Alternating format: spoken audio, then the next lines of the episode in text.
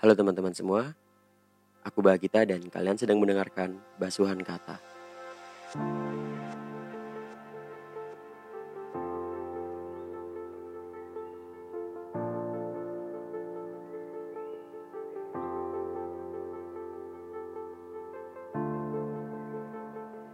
Di P1 episode 1, cerita derita, kita akan membahas tentang cerita seseorang yang ya bisa dikatakan dia itu merupakan teman dekat saya. Teman dekatku sih sebenarnya. Dia tinggal di Jakarta. Dia bisa dibilang dia anaknya orang kaya. Tapi ternyata hidupnya itu nggak bisa dikatakan bahagia.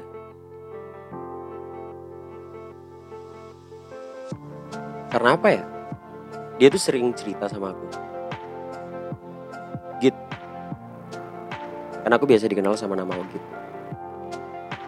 Kira-kira hidupku kini udah termasuk bahagia gak sih? Karena aku ngerasa kayak hidupku terlalu sadis buat aku rasain. Lah kenapa gitu kan? Aku pikir hal-hal seperti ini tuh layak untuk diperbincangkan. Karena mau bagaimanapun manusia itu adalah makhluk sosial yang harus komunikasi satu sama lain kan. Dalam hal entah itu perasaan, entah itu hidup, entah itu pemikiran, entah itu opini, harus saling bercerita. Ya sudah aku jawab aja kan. Lah, kenapa kau bilang kayak gitu? Kenapa kamu menganggap hidupmu itu nggak bahagia-bahagia banget gitu? Padahal aku lihat dia tuh berkecukupan. Dia bisa lah dikatakan sebagai anak yang zaman now banget. Tapi di balik itu ternyata ada faktor lain yang bikin dia ngerasa hidupnya itu nggak terlalu bahagia pada saat itu. Gara-gara apa sih kau bilang kayak gini? Gini gitu. Mungkin kamu itu sering tahu aku di depan ya.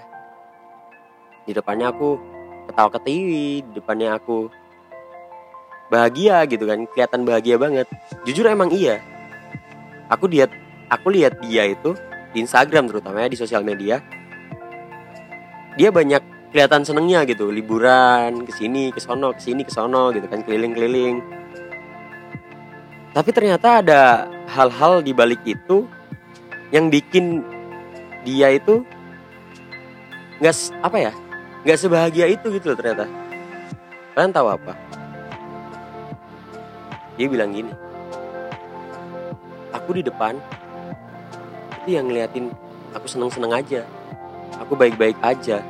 Tapi kamu tahu di belakang itu aku sering sedih sendirian karena teman-teman aku sering lihat aku bahagia mereka nggak pernah tanya kabar aku sekalipun. Mereka kira orang yang bahagia itu akan selalu tetap bahagia. Padahal mereka juga salah berpikiran seperti itu. Ya mungkin emang salahku juga ya. Aku nggak cerita ke banyak orang tentang ini. Sebenarnya ada banyak masalah yang aku hadapin selama ini, mulai dari keluarga, mulai dari romansa, mulai dari kehidupan perkuliahan. Ada banyak hal yang sering bikin aku down. Sampai sering bikin aku mikir, apa aku harus berhenti ya? Berhenti untuk hidup. Itu kata dia. Terus ya aku tanya lagi, apa sih yang sebenarnya kamu anggap bahagia dalam hidup kamu?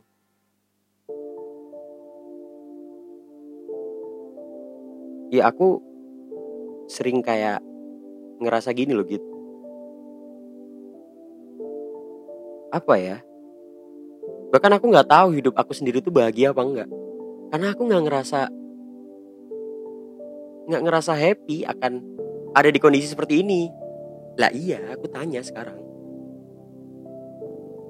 Emang kamu sekarang ini lagi gimana? Aku tanya seperti itu terus sampai akhirnya dia benar-benar mau cerita. Jadi yang dimaksud dia itu adalah percintaan. Percintaan yang udah toksik banget. Percintaan yang udah bikin dia muak. Mulai dari kekangan mulai dari perselingkuhannya pacarnya. Mulai dari pembelokan omongan yang awalnya kayak gini jadinya kayak gini jadi malah memperkeruh suasana. Yang ternyata dia tahu kalau si cowoknya ini main cowok main cewek. Yang akhirnya dia tahu kalau si cowoknya ini udah nggak sayang lagi sama dia dan diserang lagi sama permasalahan keluarga mulai dari ibu bapaknya udah cerai adik kakak yang udah gak akur. Wow, aku langsung kaget dong cerita denger cerita kayak gitu. Gimana gak kaget? Dia bener-bener gak kelihatan seperti itu sama sekali pada awalnya. Sampai akhirnya ya dia cerita akan hal ini. Dan aku bener-bener speechless dong pada saat itu. Kayak, wow, ternyata orang yang kelihatan bahagia di depan itu menyimpan kesedihan yang amat dalam di belakang. Dan aku mulai berpikiran, apa semua orang bahagia seperti ini ya? Apa semua orang yang bahagia itu juga memiliki masa kelamnya sendiri-sendiri? Apa kalian termasuk juga jangan-jangan? Apa kalian hanya ingin menunjukkan ke orang-orang bahwa kalian itu bahagia? Padahal di dalam kalian merasa terpaksa. karena beneran aku nggak nyangka sih sebenarnya. Dan bahkan aku mau cerita ini pun agak gimana gitu mau ceritain. Soalnya emang uh, ini pengalaman temen aku sendiri dan ya aku harap kalian bisa paham akan cerita ini. Karena aku nggak mungkin cerita sedetail itu. Kalau mungkin ada yang relate ya alhamdulillah. Tapi yang jelas di sini aku mengangkat kesimpulan. Bahwa jika kalian mempunyai teman atau bahkan kalian sendiri ya kalian belum belum merasa bahagia akan hidup kalian. Coba kalian syukuri apa yang ada dulu. Karena jujur kalau kalian mencari kebahagiaan, gak bakalan nemu.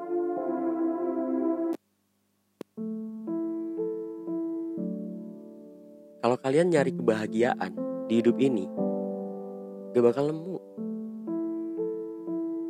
Karena kebahagiaan itu ya relatif. Kebahagiaan itu hanya masa. Masa di mana kalian merasa senang, tapi hanya sesaat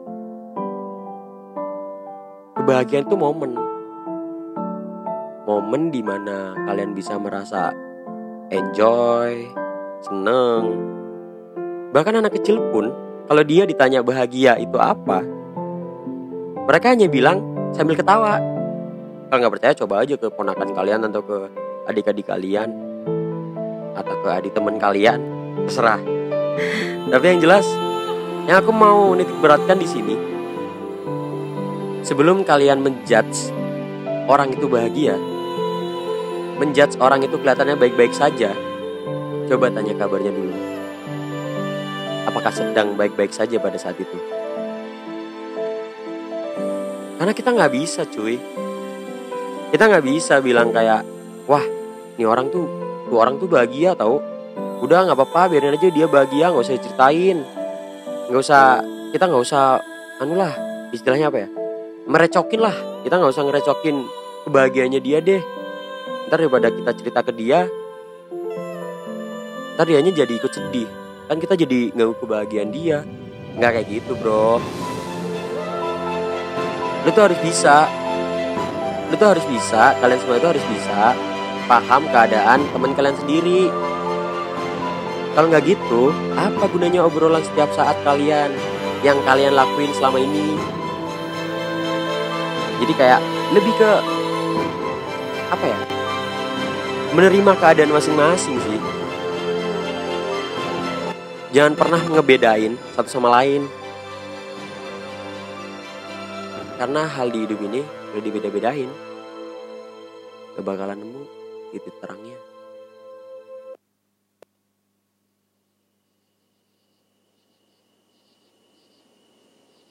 Terus apa ya? Oh iya belum aku sampein. Terus akhirnya dia cerita nih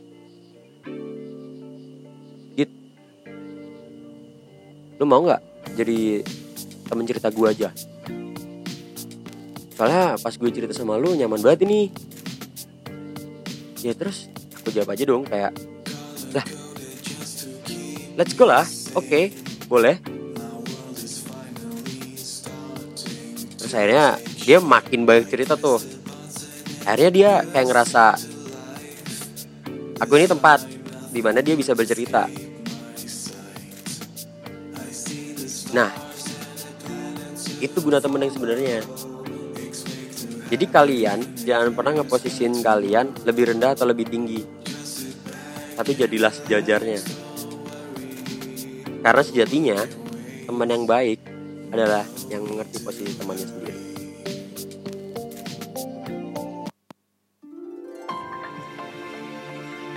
Terus ya udah tuh, dia akhirnya seneng kan, kayak wah gitu gue plong banget sekarang. Asli dah. Gue sekarang seneng banget. Maksudnya gue akhirnya bisa cerita semua gitu. Terus ya udah gue bersyukur kan. Ya aku udah bersyukur tuh pada saat itu. Ya bersyukur. Terus gimana? Udah tetap mau ngelanjutin hidup kan jangan nyerah lah. Jangan pernah nyerah kan keadaan yang Tuhan kasih kamu. Karena ini cuma ujian cuy. Kalian harus bisa ngadepin ujian kayak gitu. Kamu harus bisa ngadepin ujian kayak gitu. Jadi jangan sampai ujian itu malah bikin kamu putus asa, salah. Ketika kamu bisa menghadapi ujian, kamu akan bisa naik ke tahap berikutnya. Jadi tetap semangat. Jangan pernah ngerasa kamu, kalian terbebani akan hal itu. Karena satu kali saja kalian merasa terbebani, kalian akan terbebani terus hingga kapan pun.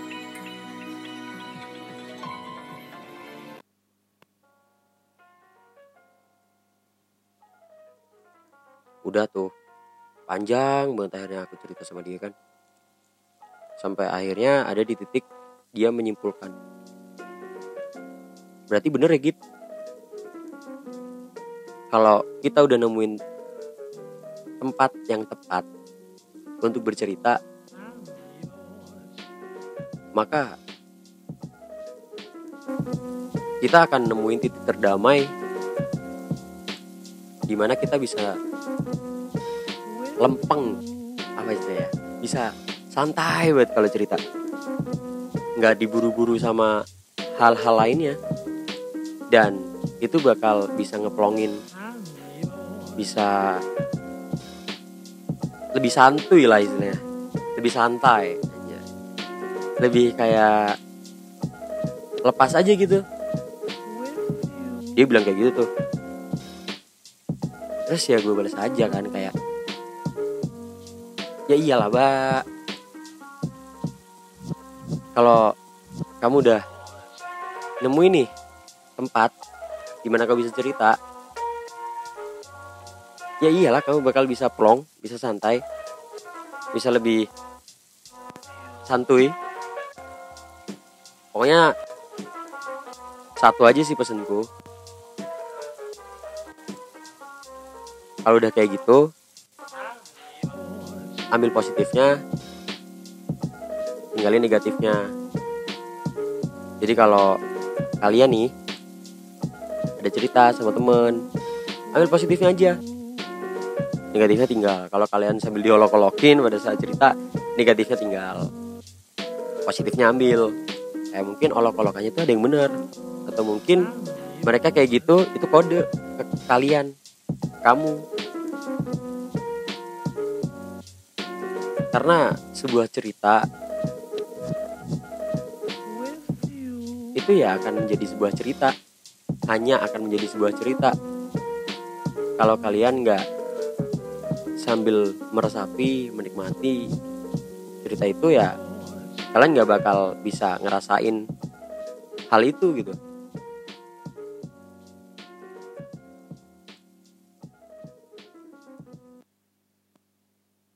Terus udah tuh. Akhirnya obrolan malam itu disudahi dengan kata Semoga hidup gue lebih baik ya ke depannya gitu. Semoga nggak ada masalah lagi, lagi dan lagi. Dia bilang kayak gitu kan. Ya otomatis aku jawab dong. Harus kayak gitu. Karena ketika lu yakin, ketika kalian yakin bahwa hidup akan lebih baik ke depannya, percaya nggak percaya itu sugesti buat kalian dan itu bakal bikin hidup kalian lebih baik lagi daripada sebelumnya. Kenapa ya? Hidup tak melulu tentang perkataan orang. Hidup tak melulu tentang perlakuan kita ke orang lain. Hidup tak melulu tentang kegiatan sehari-hari. Hidup tak melulu tentang celotehan di sosial media. Hidup juga merupakan derita di atas realita yang harus dihadapi oleh kita. Oke teman-teman semua, itulah akhir dari podcast kali ini. Bersama aku Bahagita, aku mengucapkan semoga kalian baik-baik saja dan tetap percaya bahwa hari esok akan lebih baik daripada kali ini standing